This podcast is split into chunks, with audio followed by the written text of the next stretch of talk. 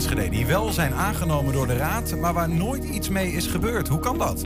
De profielschets voor de nieuwe burgemeester van Enschede is bekend. Zometeen hoor je aan welke kenmerken hij of zij moet gaan voldoen. De coronasituatie in Twente is zodanig dat de veiligheidsregio en GGD reden zagen voor een extra persconferentie vandaag. En alles over de pispot van koning Lodewijk Napoleon in het Twents kwartierken. Het is donderdag 8 juli. Dit is 1 Twente vandaag.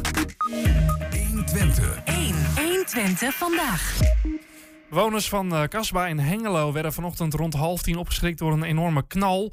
Toen er ook was opgetrokken, bleek een explosie in het riool een grote, kater, uh, of een grote krater in de straat hebben geslagen. Aan de telefoonlijn hebben wij Irene Mazeland van Brandweer Twente. Goedemiddag. Goedemiddag. Wat was er precies aan de hand uh, vandaag?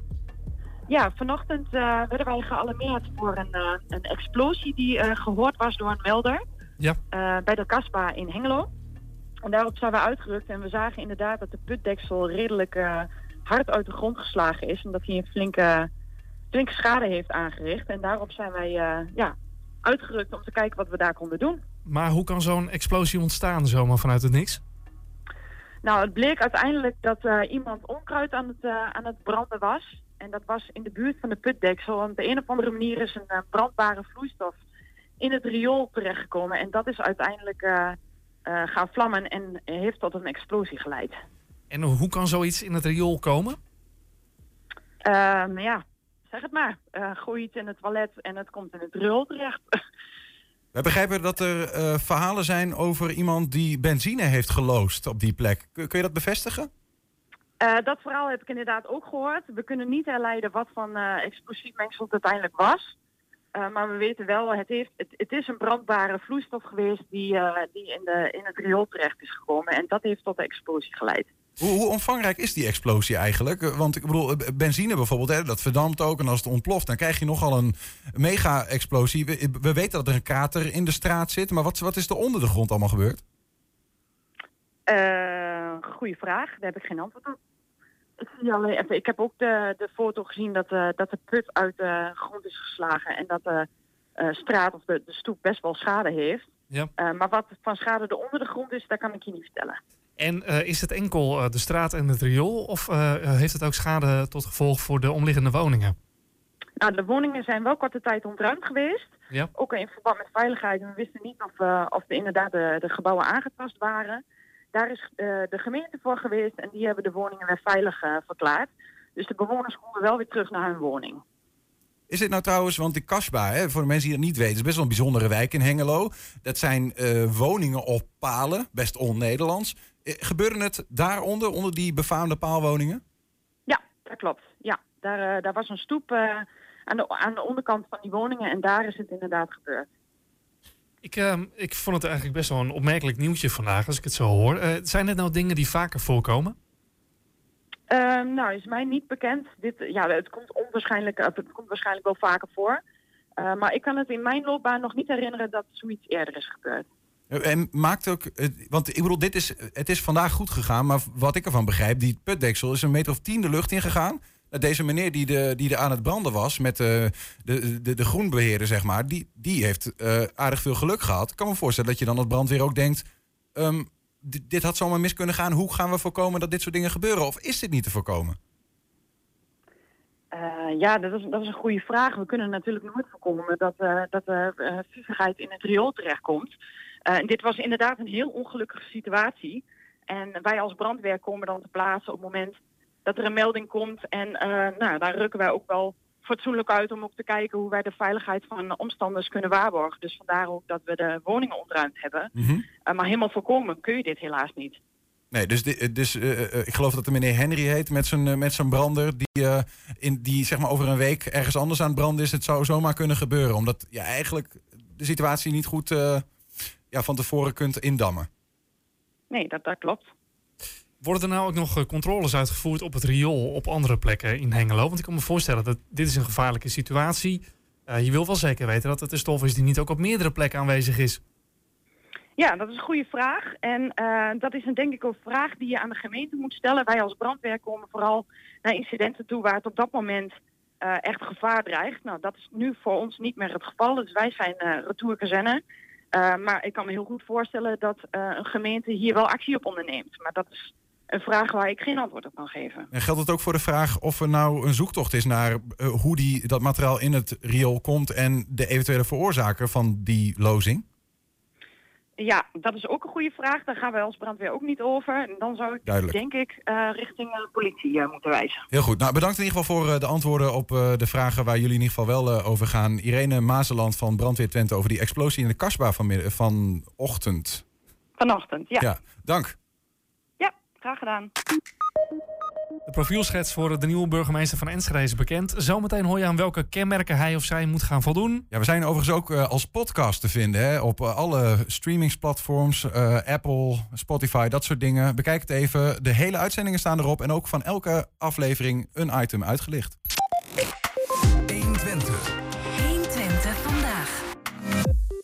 In de afgelopen raadsperiode, sinds eind 2018, heeft eh, de Enschedese gemeenteraad tientallen moties aangenomen die nooit zijn uitgevoerd. Maandagavond kwam SP'er Annelies Futselaar met een lijst van maar liefst 95 van die raadsvoorstellen waar niets mee is gebeurd. Voor twee van die voorstellen geldt dat de raad zelf iets had moeten doen. De rest valt onder de verantwoordelijkheid van burgemeester en wethouders. De lijst van Futselaar is een symptoom van een krakende democratie. Dat stelt collega Ernst Bergboer in een artikel. En Ernst is bij ons. Goedemiddag, Ernst. Hoi, goedemiddag. Een krakende democratie. Dat is nogal een, eh, een, een, een, soort van... Ja, aantijging wil ik het niet noemen, maar het is een statement. Ja, nou ja, goed, weet je, krakende wagens lopen het langs. Dus in die opzicht, de, de, de democratie heeft altijd wel gekraakt. Het blijft een soort van menselijke poging om macht en tegenmacht te organiseren en een beetje prettig samen te leven. Dus daar is altijd eh, werk aan de winkel. Maar dat is eh, nu zeker ook het geval, denk ik. Maar is het een symptoom van een krakende democratie... die iets uit de bocht aan het vliegen is ook? Zeg Ja. maar wat we- eigenlijk buiten dat normale omgaat wat jou Ja, betreft? weet je, dat, dat is evident. Daar zeg ik ook niks nieuws mee. Eh, Pieter Omtzigt, ik verwijs er ook even naar in dat artikel natuurlijk... maar die gaf al aan dat de balans tussen macht en tegenmacht... je moet je voorstellen, je hebt de macht, hè, dat zijn de machthebbers, eh, ministers... eh, en op lo- lokaal niveau burgemeester en wethouders. Eh, die hebben tegenmacht nodig, en anders vliegen ze uit de bocht. Het probleem is dat die tegenmacht, dat is eigenlijk de Tweede Kamer slash zo'n Gemeenteraad. die dat moeten controleren. En die eigenlijk, het, maar eigenlijk zijn dat, is dat de hoogste baas van de, van de gemeente. Maar ja, je, je ziet dat die macht van die tegenmacht, zeg maar, dat die steeds kleiner is geworden in de afgelopen nou, 10, 15 jaar zeker. Eh Niels noemde het net al even. Er zijn 95 van die raadsvoorstellen eh, waar niks mee gebeurd is. Ehm, hoeveel is dat ten opzichte van het totaal wat daar... ehm, Ja, goede vraag, weet ik niet. dus je, je kan niet inschatten of dit een, een heel klein aantal is... of dat het juist eigenlijk een heel groot aantal. Nou, het is, het is een fors aantal. Ja. Eh, dat in ieder geval. Ehm, ik zou niet precies weten hoeveel moties. Dit gaat alleen over moties. er, er, er op jaarbasis worden ingediend. Dat zijn er best wel wat. Maar dit is, dit is evengoed toch wel een fors aant- eh, aantal. En je moet je voorstellen, zo'n motie wordt ook ingediend. ehm, omdat raadsleden denken dat daarmee de stad vooruit gaat. En dat vinden ze dan niet alleen. Maar dat vinden ze, en vindt de meerderheid van de raad. Dus er moet iets gebeuren. Soms gaat het over heel kleine onderwerpen. Zeg maar poep op de stoep. je, Ongeveer dat niveau. Uh, maar soms gaat het ook echt over jeugdzorg of over, over, over veel, veel ingewikkelder thema's.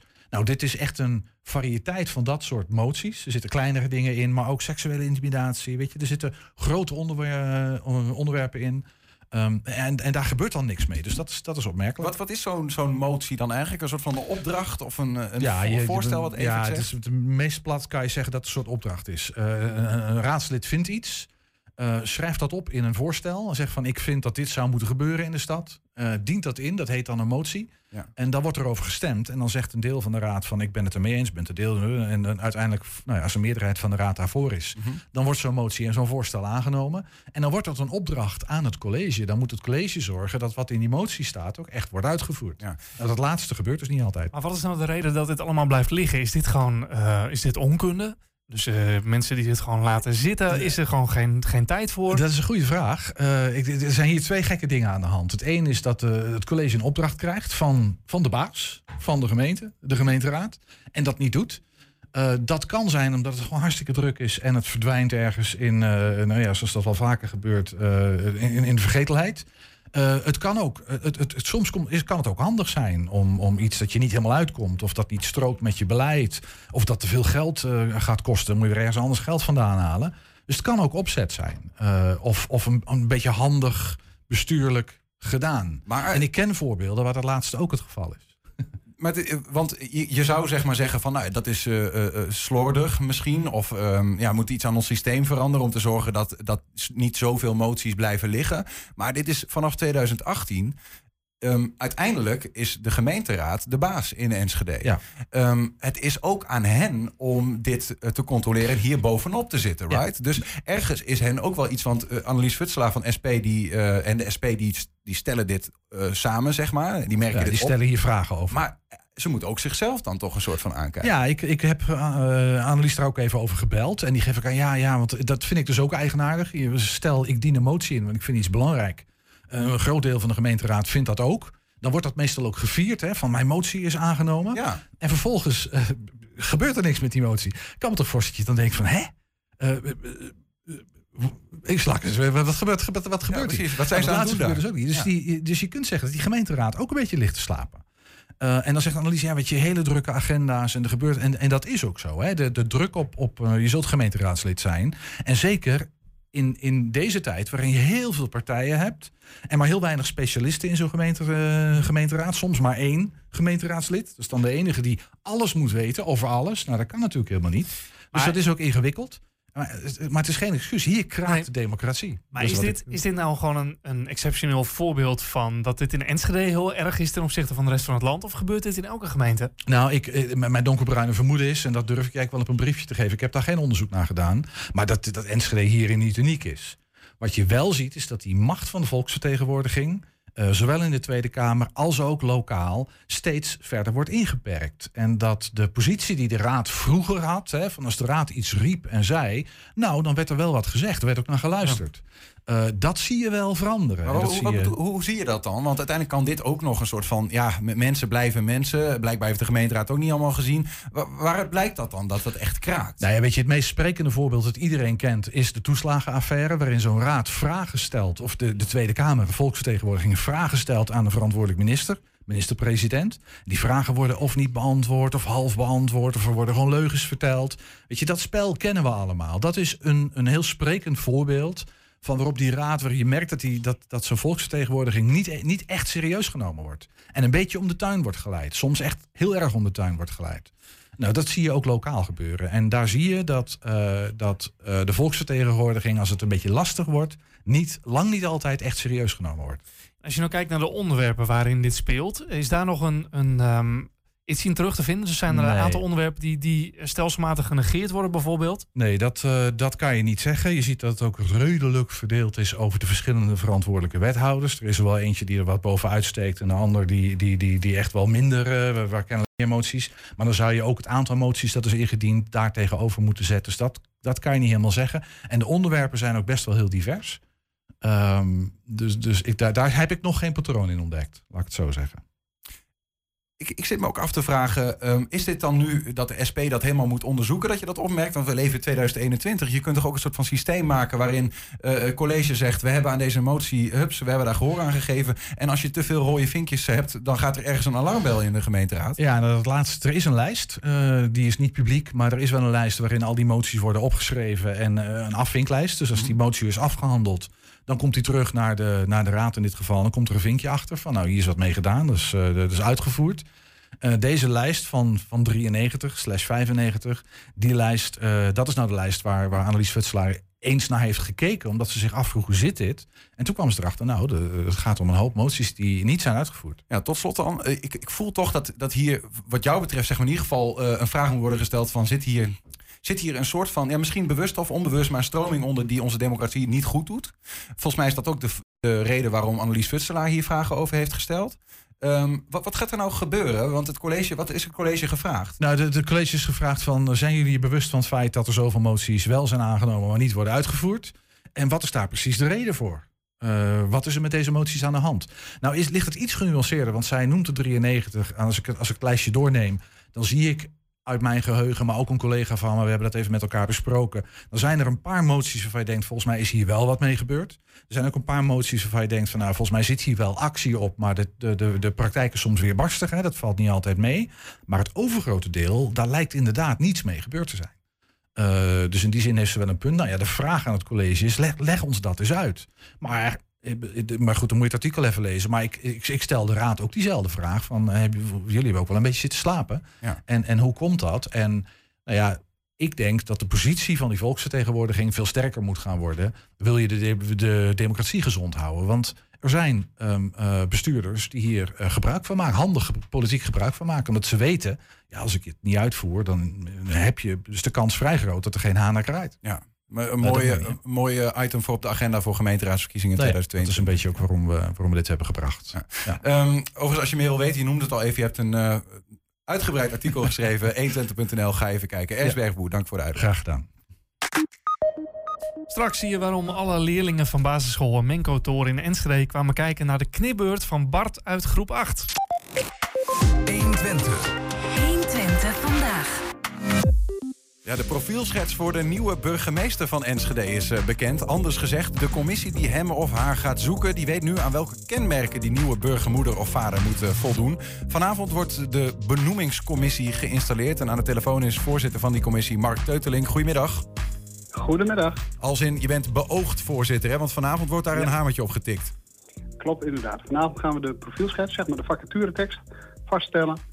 Eh, maar gaan we ook de commissie eh, installeren eh, die het vervolgproces gaat, gaat doen. Dus de, de daadwerkelijke sollicitatiegesprekken gaat doen. En een advies gaan aanleveren aan de gemeenteraad. Want er ligt nu, Mark, een, een, een document van ongeveer drie pagina's. Dat Klopt. is, ik hoor jou zeggen, een soort vacaturetekst.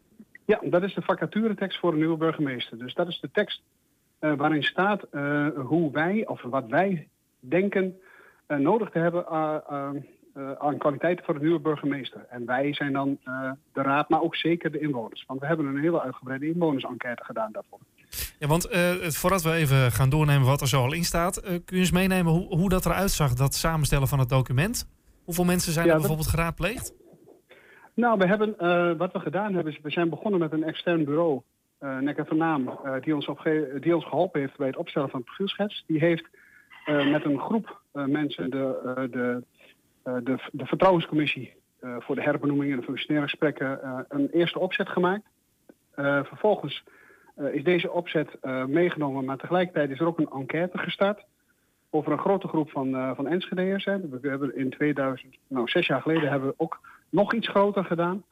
Maar daar was de tijd op dit moment niet voor. Maar er hebben eh, ruim 1700 inwoners eh, gereageerd. En welke Eh, inwoners zijn dat? Is dat gewoon random eh, mensen uit Padmos, uit Velverlinde of uit Stadsveld? Eh, Is Nou, dat... we, eh, we zijn begonnen met het Enschede-panel. Daar is een eh, vastgesteld panel van random mensen in Enschede die dat inderdaad doen. En daarnaast is de enquête ook opengezet op het internet. En via het internet hebben we toch ook heel erg veel reacties gehad. Bijna 2000 dus. En nou ja, dan kan ik me voorstellen dat het uiteindelijk een potpourri wordt. Dat je een grijze burgemeester krijgt die alles moet kunnen. Ja, maar dat valt heel erg mee. Want men weet wel heel erg goed wat voor soort burgemeester Enschede nodig heeft. Wat zijn de bevindingen die daar uitkomen dan? Wat voor, eh, wat voor burgemeester zoeken wij met z'n allen?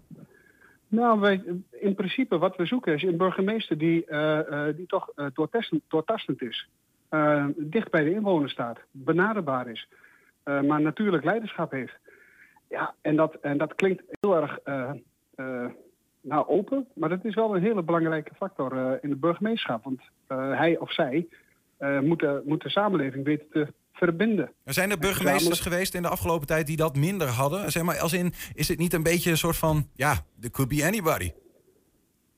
Ja, dat zou kunnen. Eh, nee, we hebben, eh, we hebben fantastische burgemeesters gehad. We hebben ook fantastische waarnemers gehad. Ja, maar we staan nu wel op een drempel waarbij de huidige burgemeester eh, besloten heeft om niet verder te gaan. Dus we zullen sowieso op zoek moeten naar een nieuwe burgemeester. Ja. En op basis daarvan hebben we gezegd van nou, wat, wat is de burgemeester die in de huidige tijd, wat voor kwaliteiten zou die in de huidige tijd moeten hebben? Anders gezegd, eh, de, de, de, zeg maar, de- dit document ziet er anders uit dan toen de zoektocht naar Onno van Veldhuizen begon. Is dat, is dat, is, verandert dat met de tijd en waar ligt dat dan aan? Nou, wat we destijds hebben ge- gedaan is dat we een heel brede profielschets hebben opgesteld. Eh kijken naar de EU-regio, kijken naar de Duitsland-agenda, kijken naar het hele land. We hebben toen de tijd gezocht naar het schaap met de vijf poten. En wat we eh, nu hebben gedaan is dat we gezegd hebben van een schaap met vijf poten bestaat niet. Dus we moeten ook even terug. En wat vinden wij nu de kernkwaliteiten waar wij naar op zoek zijn? Dus wat voor burgemeester zoeken wij? En ja, een van de dingen is bijvoorbeeld eh, samenwerken met de raad. Dat vinden wij erg belangrijk. Dat de burgemeester gezamenlijk met ons, onze nieuwe eh, de toekomst ingaat. Ja, en dan, en dan, eh, dan moet je toch echt op een gegeven moment kijken van... nou, van die vijf poten moet er een paar vanaf. Want een uh, schaap met vijf poten, die bestaat niet. Ja, ja. Je bent zelf uh, raadslid hè, bij Burgerbelangen, fractievoorzitter daar in Enschede. Um, ja, dat klopt. De burgemeester is, is naast een soort van... Het gaat over de veiligheid in de stad, over de orde. dat is een portefeuille, maar hij is ook voorzitter van zo'n van zo'n gemeenteraad. Zie je ook dat Ja. het... Um, Zeg maar, hoe, hoe, belangrijk vind jij, uh, zie je een verschil? De ene burgemeester anders is dan de ander? Want ik denk dat heel veel mensen dat helemaal niet weten. Wat, wat, dat, wat, wat voor effect dat heeft in zo'n raad. Ja, nee, daar zie je wel degelijk verschillen tussen. Het is, uh, uh, wij vinden het erg belangrijk dat de burgemeester dicht bij ons staat. dus dat we een goede verhouding hebben tussen de burgemeester en de raad. dat we vertrouwen in elkaar hebben. want als de burgemeester daarmee op pad kan gaan, ja, dan heeft hij het vertrouwen van ons en heeft hij de steun van ons in alles wat hij doet buiten Enschede. Het is enorm belangrijk dat de burgemeester uh, uh, ons helpt als raad. Vanavond dan uh, gaan jullie dus die benoemingscommissie installeren. Um, wat gaat er gebeuren en hoe gaan we daarna verder? Nou, vanavond gaan we de profielschets daadwerkelijk vaststellen als raad. dan kan iedereen netjes een beschouwing erop doen. de commissaris van de Koning die zal er ook zijn. Die neemt de profielschets in, in ontvangst. Op basis daarvan wordt er een vacature geopend. die vacature die is open voor, voor in principe alle inwoners van, van Nederland. Daar kunnen zij, dat zal begin augustus zo'n beetje zijn. dan is er tussen de vier en de zes weken, ik weet niet precies hoe lang die periode is, maar niet zo'n heel erg lange periode. Dan kunnen zij reageren. Dan kunnen mensen solliciteren. dat, wordt, dat komt allemaal bij de commissaris van de Koning binnen. Uh, die zal er vervolgens naar kijken. En dan zullen uh, wij als raad, of in ieder geval als commissieleden van die, uh, van die nieuw te installeren commissie, ons hoofd daar ook over buigen. En zullen wij een aantal mensen gaan uitnodigen om sollicitatiegesprekken mee te gaan voeren. Wie hoop je dat er reageert, Mark? Jezelf? Wat zeg je? Wie hoop je zelf dat er gaat reageren? Ik hoop dat het ja, dat er veel mensen reageren, maar dat er ook heel veel mensen met ervaring reageren. Dat vind ik, vind ik een belangrijk iets. Ik snap het. Iemand met ervaring, maar ook een, met een natuurlijk leider. Maar geen specifiek persoon in gedachten? Nee, ik heb geen specifiek. En dat ga ik ook niet doen. Want dat, uh... dat dacht ik al. Ja, ik dacht toch even proberen. Ja.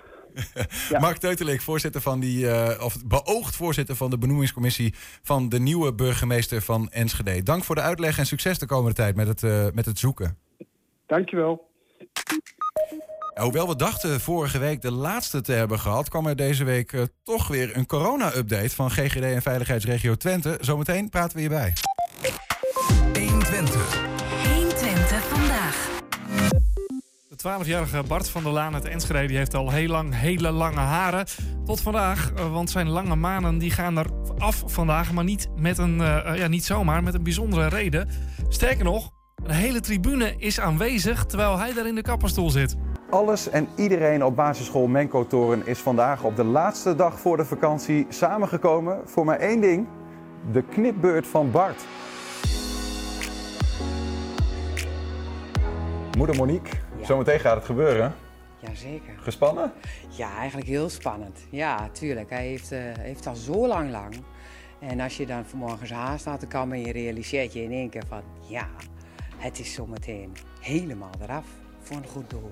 Wanneer was het voor het eerst dat uh, Bart zei van uh, die lange haren, die gaan eraf?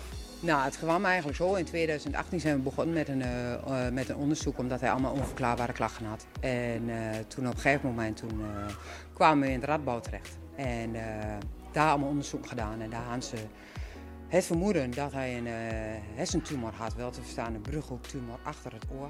Wat gebeurde er allemaal met je dan Bart, dat ze dachten dat je mogelijk een tumor had? Uh, eerst was het gewoon dat ik uh, naar Pento ooronderzoek deed, want ik hoorde bijna niks. En een maand later gingen wij weer naar Pento, weer een onderzoek en toen, en toen was alles gewoon goed. En daarna gingen mijn handen uit. Bijvoorbeeld, ik moest een bakje bonen naar de kamer inbrengen. En toen gewoon open, dus toen viel alles op de grond. En daarna voeten en, en als mijn voeten uitgaan of handen als ik dan weer aanga, dan ga ik er mee bewegen. Maar ja, dat moet dan, want anders, want anders blijven ze uit gewoon. Zomaar? Ja. Toen op een gegeven moment toen, uh, kwamen we in het radbouw terecht. En uh, daar allemaal onderzoek gedaan. En daar hadden ze het vermoeden dat hij een uh, hersentumor had. Wel te verstaan een brughoektumor achter het oor. En als ik een hersentumor had, moest mijn haar eraf. En toen wou ik het gaan doneren. En eh, gelukkig, godzijdank dat, dat ik geen hersentumor had. En eh, ja, toen vond ik het zielig dat het, eh, dat het niet eh, een pruik ging worden. Dus toen wou ik het alsnog doneren. Nou, ik zat met kippenvel in de auto en ik zeg, ja, ik zeg, dat kan natuurlijk. Ik zeg, maar dan moet je 30 centimeter hebben. Nou, zegt hij, dan laat ik het helemaal groeien, zegt hij, totdat ik dat heb. Hij zegt, en als ik het dan haal, zegt hij, dan wil ik het op het laatste dag van school, wil ik het af. En dan kan hij naar Stichting A-wens. De oma van een held. Inderdaad, vind ik eigenlijk wel, ja. Ik bedoel, wa- wat hij nou gaat doen, dat is natuurlijk wel heel bijzonder. En als je daarna gaat dat hij zelf in eerste instantie kanker zou hebben... en nou heeft bedacht van, ik heb het niet, dus een ander kindje krijgt mijn haren. Ja, super toch? Nu gaan ze zijn ruggengraat gaan ze nakijken. Om te kijken of het dan misschien in de zenuwen zit of er ergens een beknelling of wat dan ook. Daar gaan ze dus nu nakijken. Maar ik ben lang blij dat het nu weer anders is. Dat is nog, dat is nog even onzeker. Dat is nog heel Maar spannend. wat wel zeker is, is dat die haren er vandaag afgaan. Dat gaat er Is zeker dat hier af. een trotse moeder? Ja, zeker. Ja, heel trots. Wat overheerst? Spanning of eh, zin in? Zin eigenlijk ook wel. Ja? Let's go man.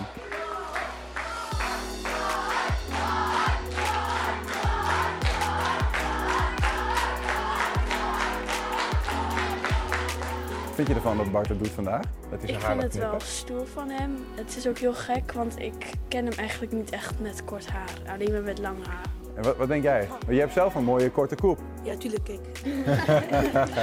kijk, Bart, vroeger toen ik hem zag, ik dacht, hoezo doet hij dit? Hij leek wat een eentje beetje van achterkant.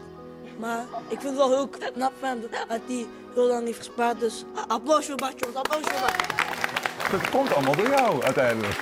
Ja, een aantal jaar terug eh, heb ik het ook afgeknipt. eh, om te laten zien ook de, de kinderen zeg maar, eh, hoe klein gebaar een groot effect kan hebben. Bart heeft dat gewoon hartstikke mooi opgepakt. En die dacht op een gegeven moment ook van, ja, daar ga ik ook voor sparen. En, en dat doe ik ook. Dus ja, mooi dat hij, dat hij het voorbeeld volgt.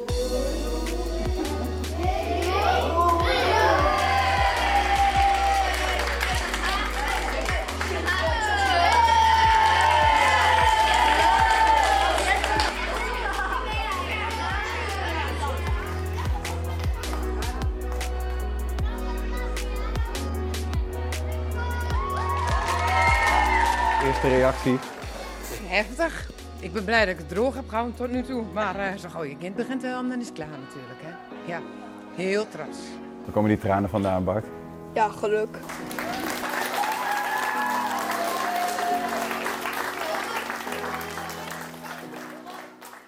Ja, prachtig, prachtig. En ik kreeg nog van eh, de moeder van Bart nog een appje. Want hij, dit was zeg maar de rigoureuze knip. En dan vanmiddag heeft hij nog weer eh, bij de kapper gezeten die het in model bracht. En eh, nou ja, ik moet het even met mijn telefoon doen. Maar dat is zeg maar eh, deze foto geworden. Dus dan zien we zijn nieuwe kapsel in vo- volle glorie. Bij deze Bart, je ziet er goed uit man. 120. 1. 120 vandaag. Ja, sinds het najaar van 2020 zaten we bijna wekelijks bij de persconferentie van de Veiligheidsregio Twente voor een update van eh, de laatste stand van zaken rond het coronavirus. Vorige week zou dat voorlopig voor het laatst zijn. Maar vandaag is er toch ineens een extra persconferentie eh, ingelast. Wilco Lauwers, je zat erbij. Dat klopt, ja. Wat is dit nou ineens? Ja, digitaal dan, hè. Die persconferentie is digitaal. Dus ik zat achter het schermpje hier eh, meer te luisteren. Ja, we dachten dat het helemaal voorbij zou zijn met die persconferenties. Maar eh, de oplopende besmettingsaantallen, zo eh, zei Arjen Geertsen... dat is de voorzitter van de Veiligheidsregio Twente, de waarnemend voorzitter... eh, die zei, ja, die, die, verontrusten ons... en we willen toch een signaal afgeven naar, eh, naar de inwoners... van blijf je aan die laatste regels houden... die anderhalve meter afstand, handen wassen. Je kent het inmiddels, het riedeltje. Heeft dit heel erg te maken met die situatie van vorige week bij de Aspen Valley? Dat heeft daar zeker, zeker een deel eh, eh, mee te maken. We zien natuurlijk, een, een, eh, zoals ik zei, een behoorlijke eh, toename in het aantal positieve testen. Dat zijn er 490 afgelopen week, bijna 500. Dat is een stijging van meer dan 200 procent.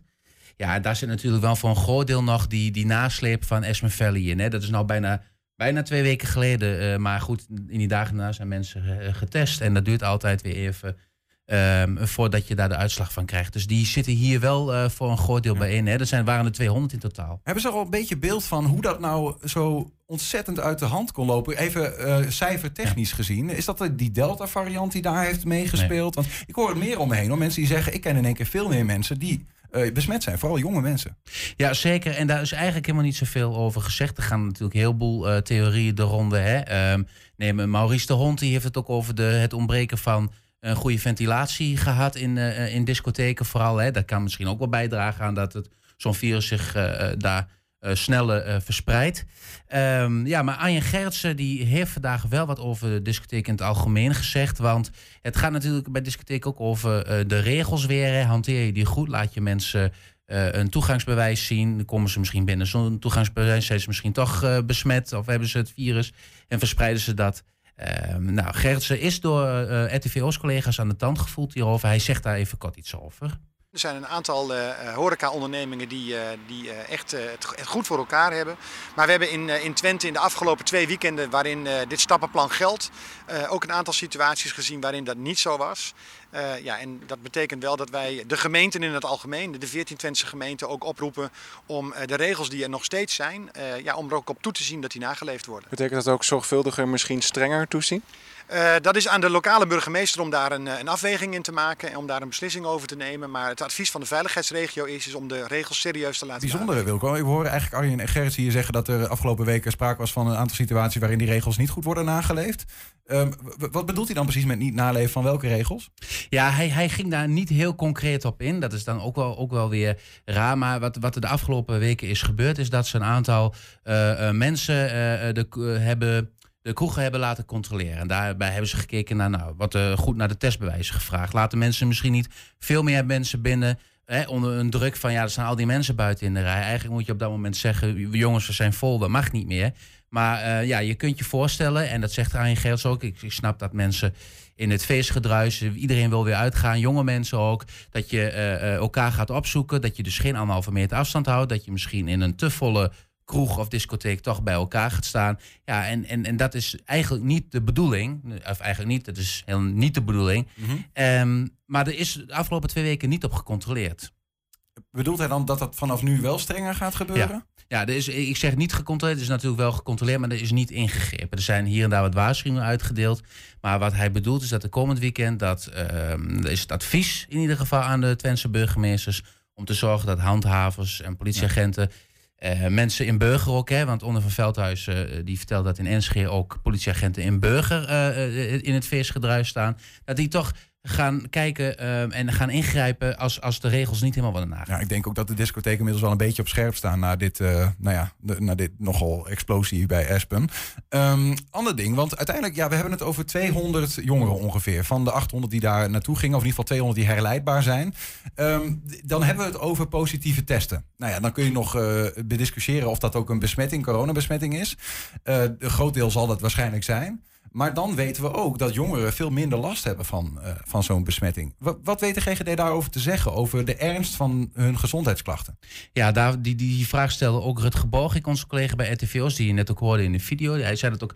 eh, Een terechte vraag, hè? hoe ernstig is het dan? Want we zien de ziekenhuiscijfers tot nog toe eh, niet oplopen.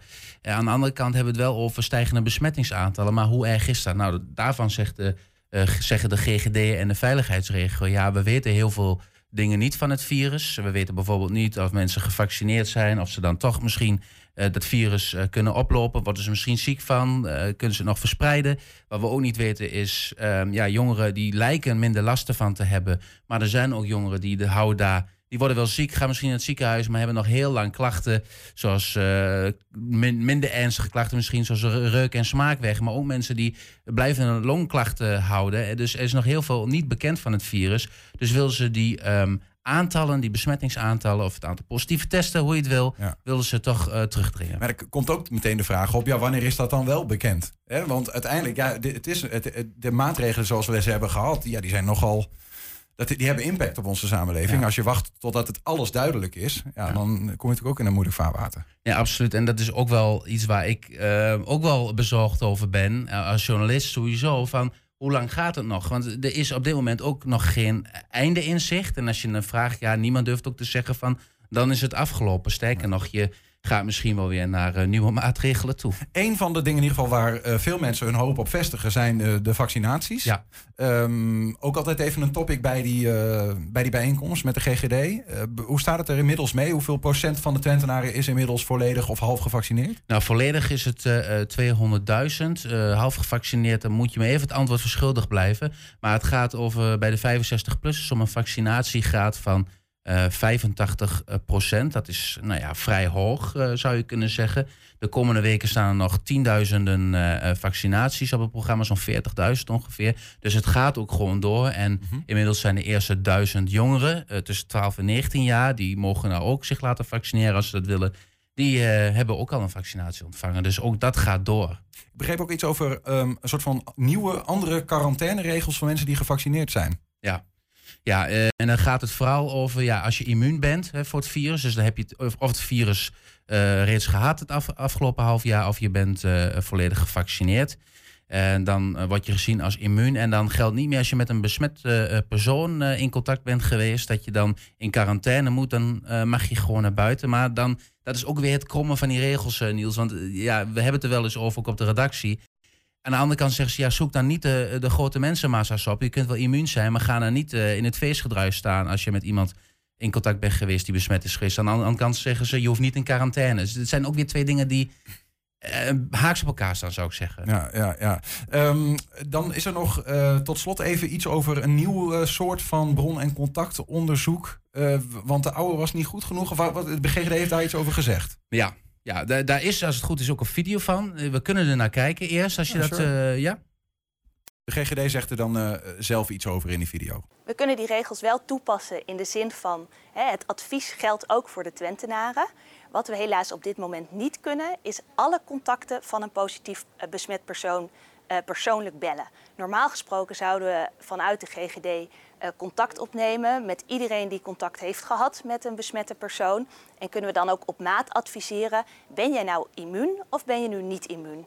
Dat kleine stukje kunnen we op dit moment niet bieden, omdat we zien dat de besmettingen heel erg oplopen. Nog even één keer, van wat zegt zij hier nou eigenlijk? Ja, eigenlijk zegt zij eh, hier dat. eh, je had het net over nieuw bron- en contactonderzoek. Nou, het is niet.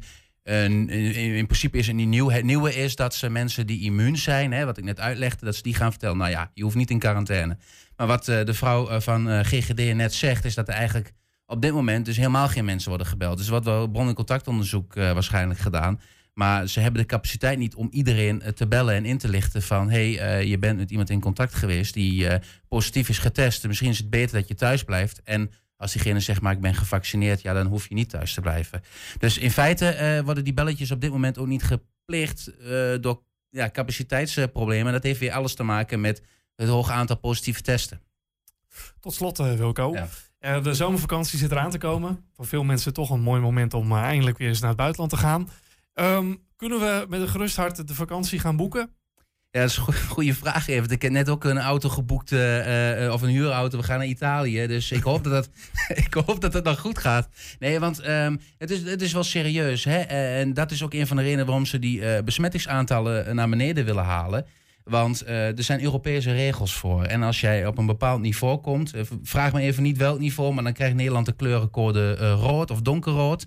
En dat betekent eh, in het ergste geval dat je dus niet meer weg mag of dat landen, eh, Nederlanders gaan weigeren. En zojuist is bekend geworden dat, eh, de, ehm, dat het kabinet daar wel eh, verontrust door is geraakt. En dat er misschien morgen nog wel nieuwe maatregelen worden aangekondigd. Want ze willen niet in die donkerrode zone zeg maar, belanden. Dus ja, gerust had vakantie boeken. Het, ja, ik, ik durf daar niet, niet te zeggen. Oftewel is- nee, niet helemaal gerust. niet, niet helemaal gerust. Nee, nee. Nee, Lauwers, dank voor, eh, voor je uitleg. Zometeen hier het Twents kwartierken. Heb je een tip voor de redactie? Mail dan even info.120.nl 120. 120 vandaag. Aan het begin van de uitzending spraken we met Irene Mazeland van Brandweer Twente over de explosie die vanochtend in Hengelo eh, was. Door een eh, klein technisch probleem hebben we die beelden nog niet aan je kunnen laten zien. We willen je de beelden absoluut niet onthouden. Waar was je mee bezig? Onkruid branden.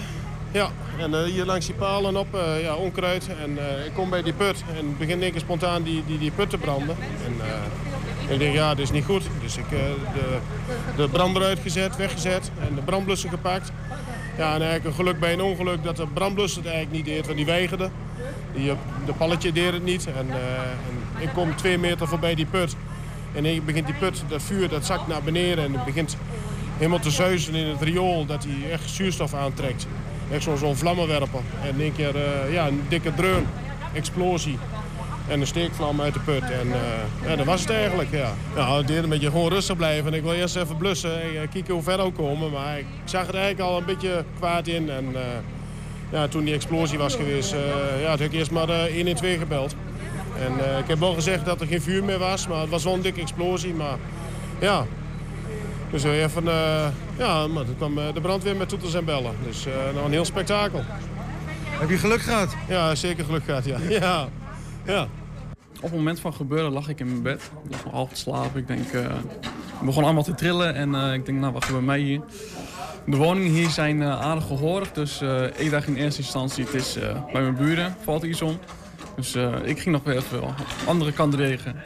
En ehm, een gegeven moment, ik hoorde sirenes. En eh, ik denk, nou, er zal toch wel iets aan de hand zijn. En ehm, nou, toch even uit bed gegaan, even eh, gaan kijken hier. Werd ik eh, weggestuurd door de brandweer hier. En ehm, even later door de politie uit huis gehaald. En eh, toen eh, gewacht aan de straat. En nu mogen we eindelijk weer naar binnen. Het belangrijkste is, er zijn geen eh, persoonlijke ongelukken gebeurd. Eh het allerbelangrijkste, eh, bewoners zijn uit de woningen gehaald door de brandweer. Dus volgens mij een hele goede, snelle actie. Eh, het lijkt alleen materiële schade. Dus eh, wat mij betreft is dat een hele opluchting. Is er ook eh, schade ontstaan aan de gebouwen? Nou, dat moet nog blijken. Er is, eh, zijn wel een aantal stoeptegels eh, nou ja, omhoog gekomen die tegen het plafond zijn aangegaan. Dus we moeten inderdaad nog even onderzoeken welke schade er ontstaan is. Maar nogmaals, de prioriteit was even om te kijken of er ook persoonlijk letsel was. En gelukkig is dat er niet. Dus eh, zo meteen kunnen we ook een ronde maken of er in de woningen of aan de onderkant van het gebouw ook eh, schade is ontstaan. Ja, ik denk dat het een, een lozing is van, eh, van brandstof. Ja.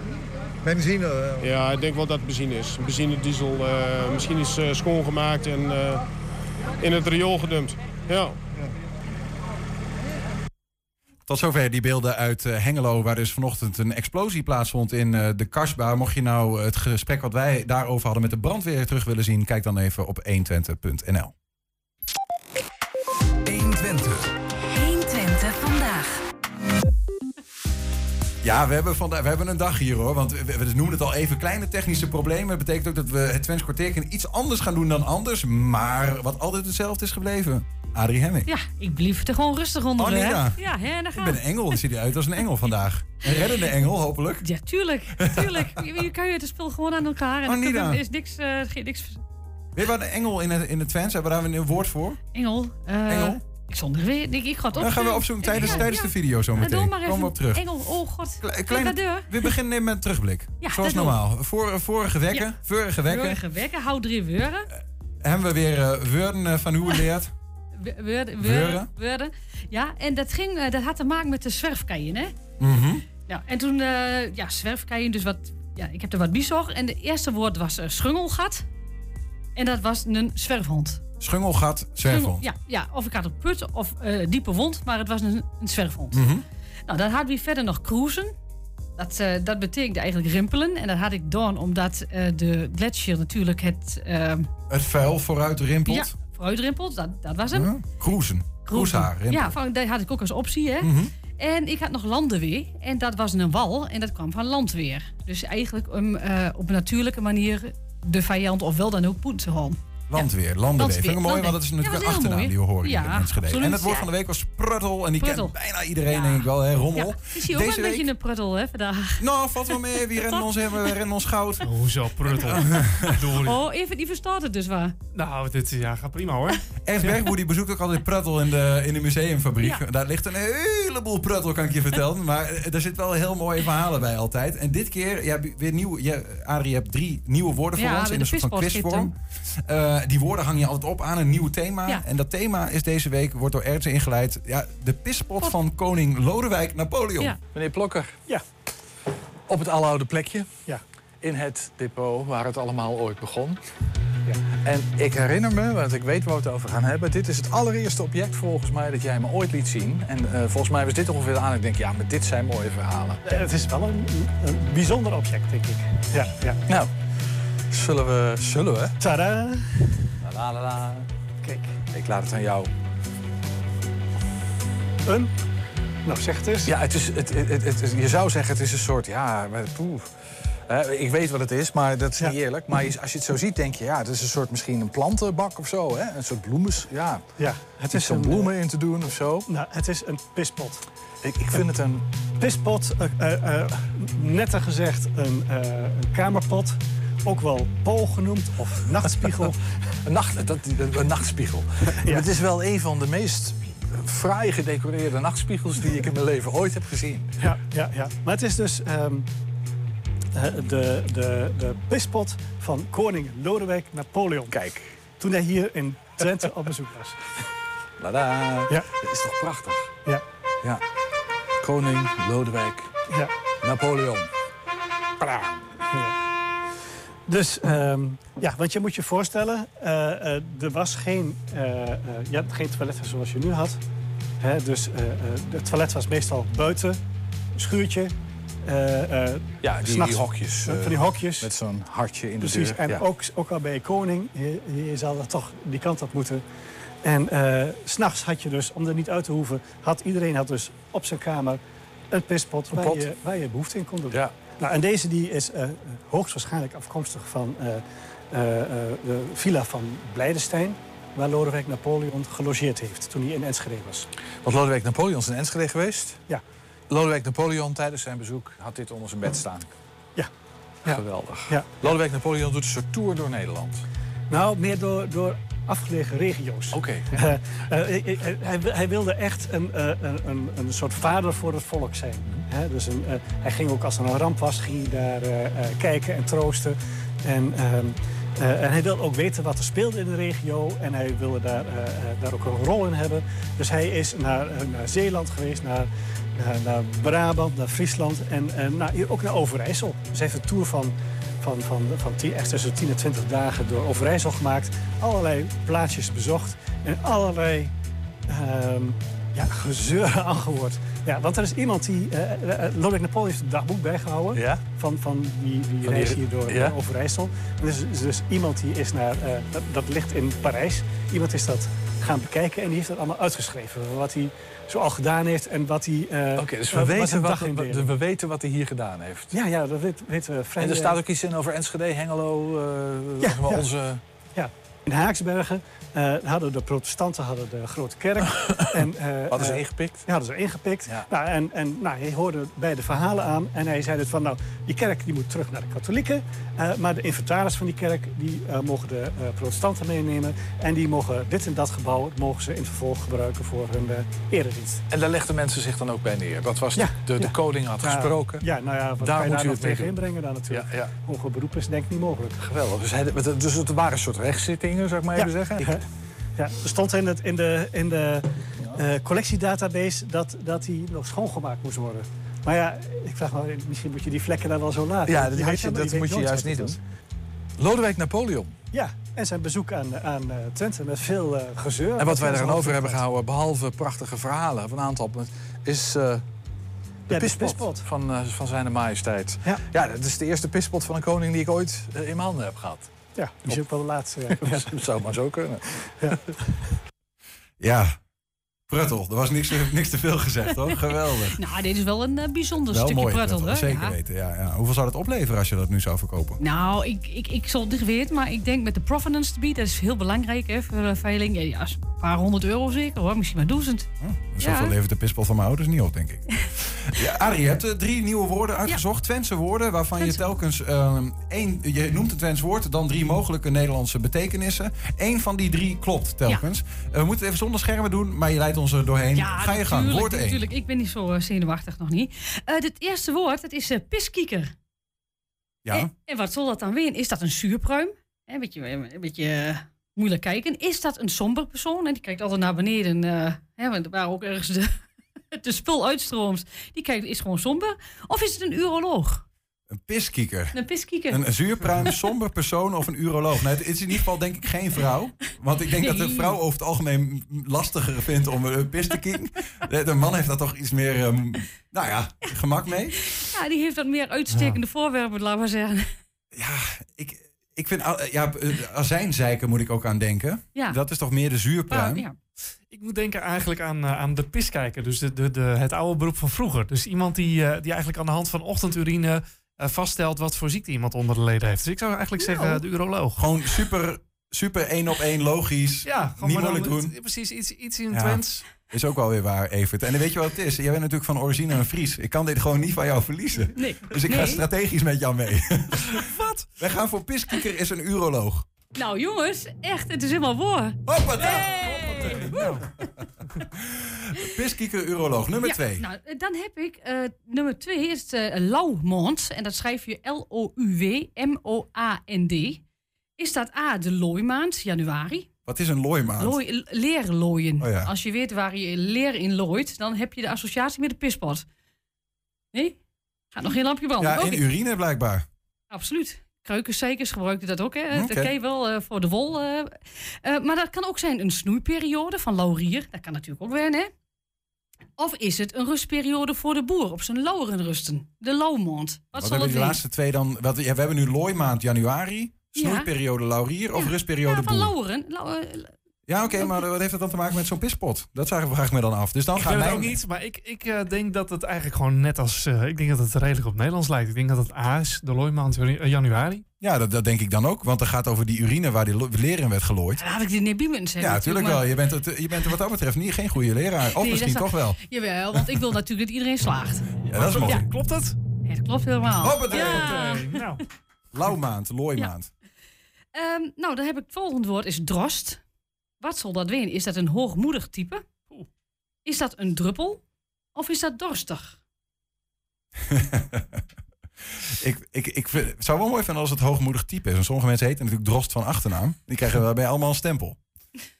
Maar ik, ja, ge- gezien het... ehm, nou ja, Napoleon was natuurlijk een hoogmoedig type. Dus daarom is- zit hij er waarschijnlijk tussen.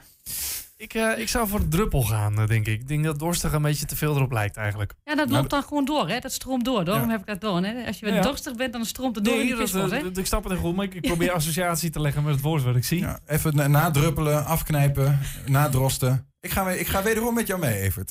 Ik vind het een fantastische uitleg. Adrie Hemming, drost, wat betekent het? Eigenlijk had hij op hoeveel af moeten gewoon... eh, Ik ga toch naar hoogmoedig type.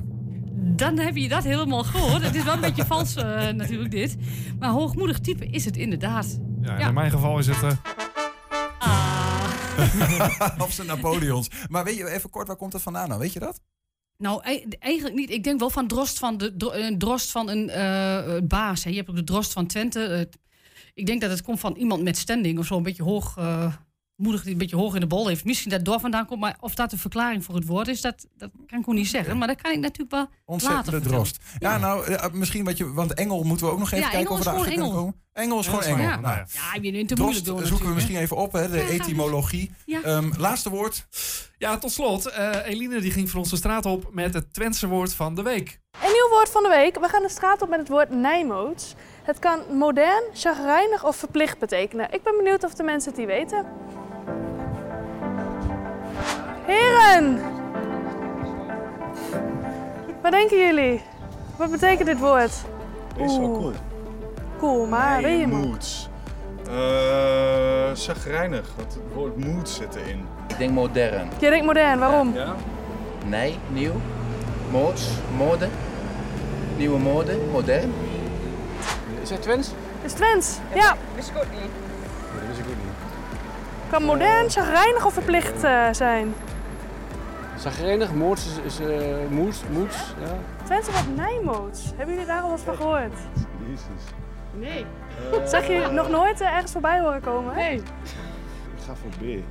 Voor B? Ik denk het ook. Ook uh, chagrijnig. Nog een reden ervoor of is het een pure gok? Voor mij is. Ja. Dan ga ik altijd voor B dus. Ja.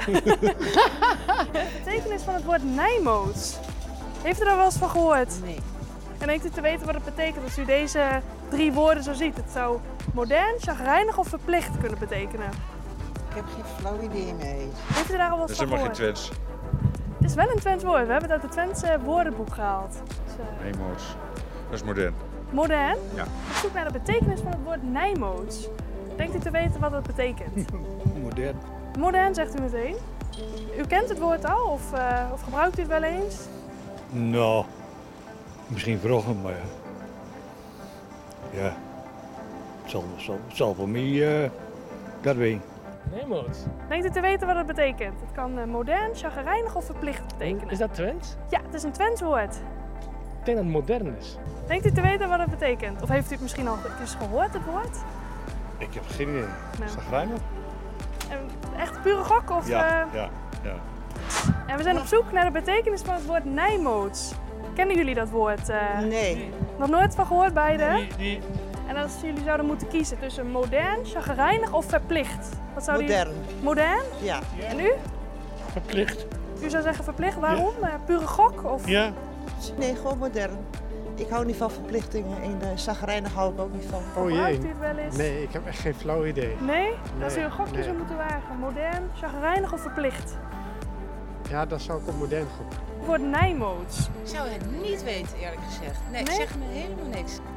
Waar zou het dan voor gaan? Chagrijnig. En waarom? Nee, nee.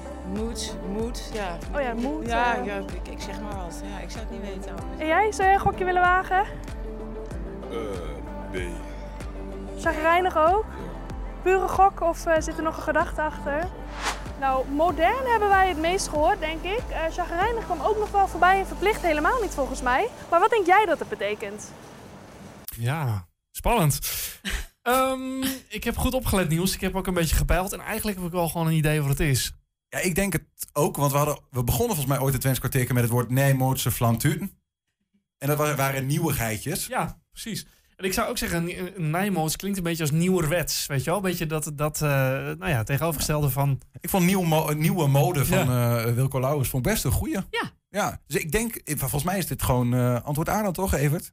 Inkoppertje. eh, ja, kl- klopt dat? Ja, modern. Nou, hoppatee. Hoppatee, sluiten we die nog mooi af. En Adrie, nog heel even terugkomen op eh drosten. Ja. Want daar hadden we het net nog even over. Eh, Wikipedia zegt dat ook. Hè? Ik, ik wist dat dus niet, maar je vertelde dat al even. Ehm, er, zit, er zit op Wikipedia is er een lijst van drosten van het Drostambt Twente. Dat deel uitmaakte van het landschap Twente. Oorspronkelijk was Twente een graafschap. De graven werden later vervangen door drosten. Dus, dus dat zijn inderdaad een soort van hoge, hoge pieven. Zo'n soort zetbazen, hè? De, degene die het voor het zeggen had voor de, de nog hogere baas, laat Ja, ik maar precies. zeggen. Van, vandaar dat het woord drost, Drost. hoogmoedig type. Ja. Nou, Ik weten we dat, dat ook weer. Ja. Adrie, dankjewel voor deze bijzonder Geen dank. fijne les. Ja, ah, mooi. Dit was 120 vandaag. Terugkijken, dat kan via onze website 120.nl, via YouTube en vanavond om 8 en 10 uur via tv. Zometeen hier Henk Ketting met een gloednieuwe dampende kettingreactie. Veel plezier daarmee en tot morgen.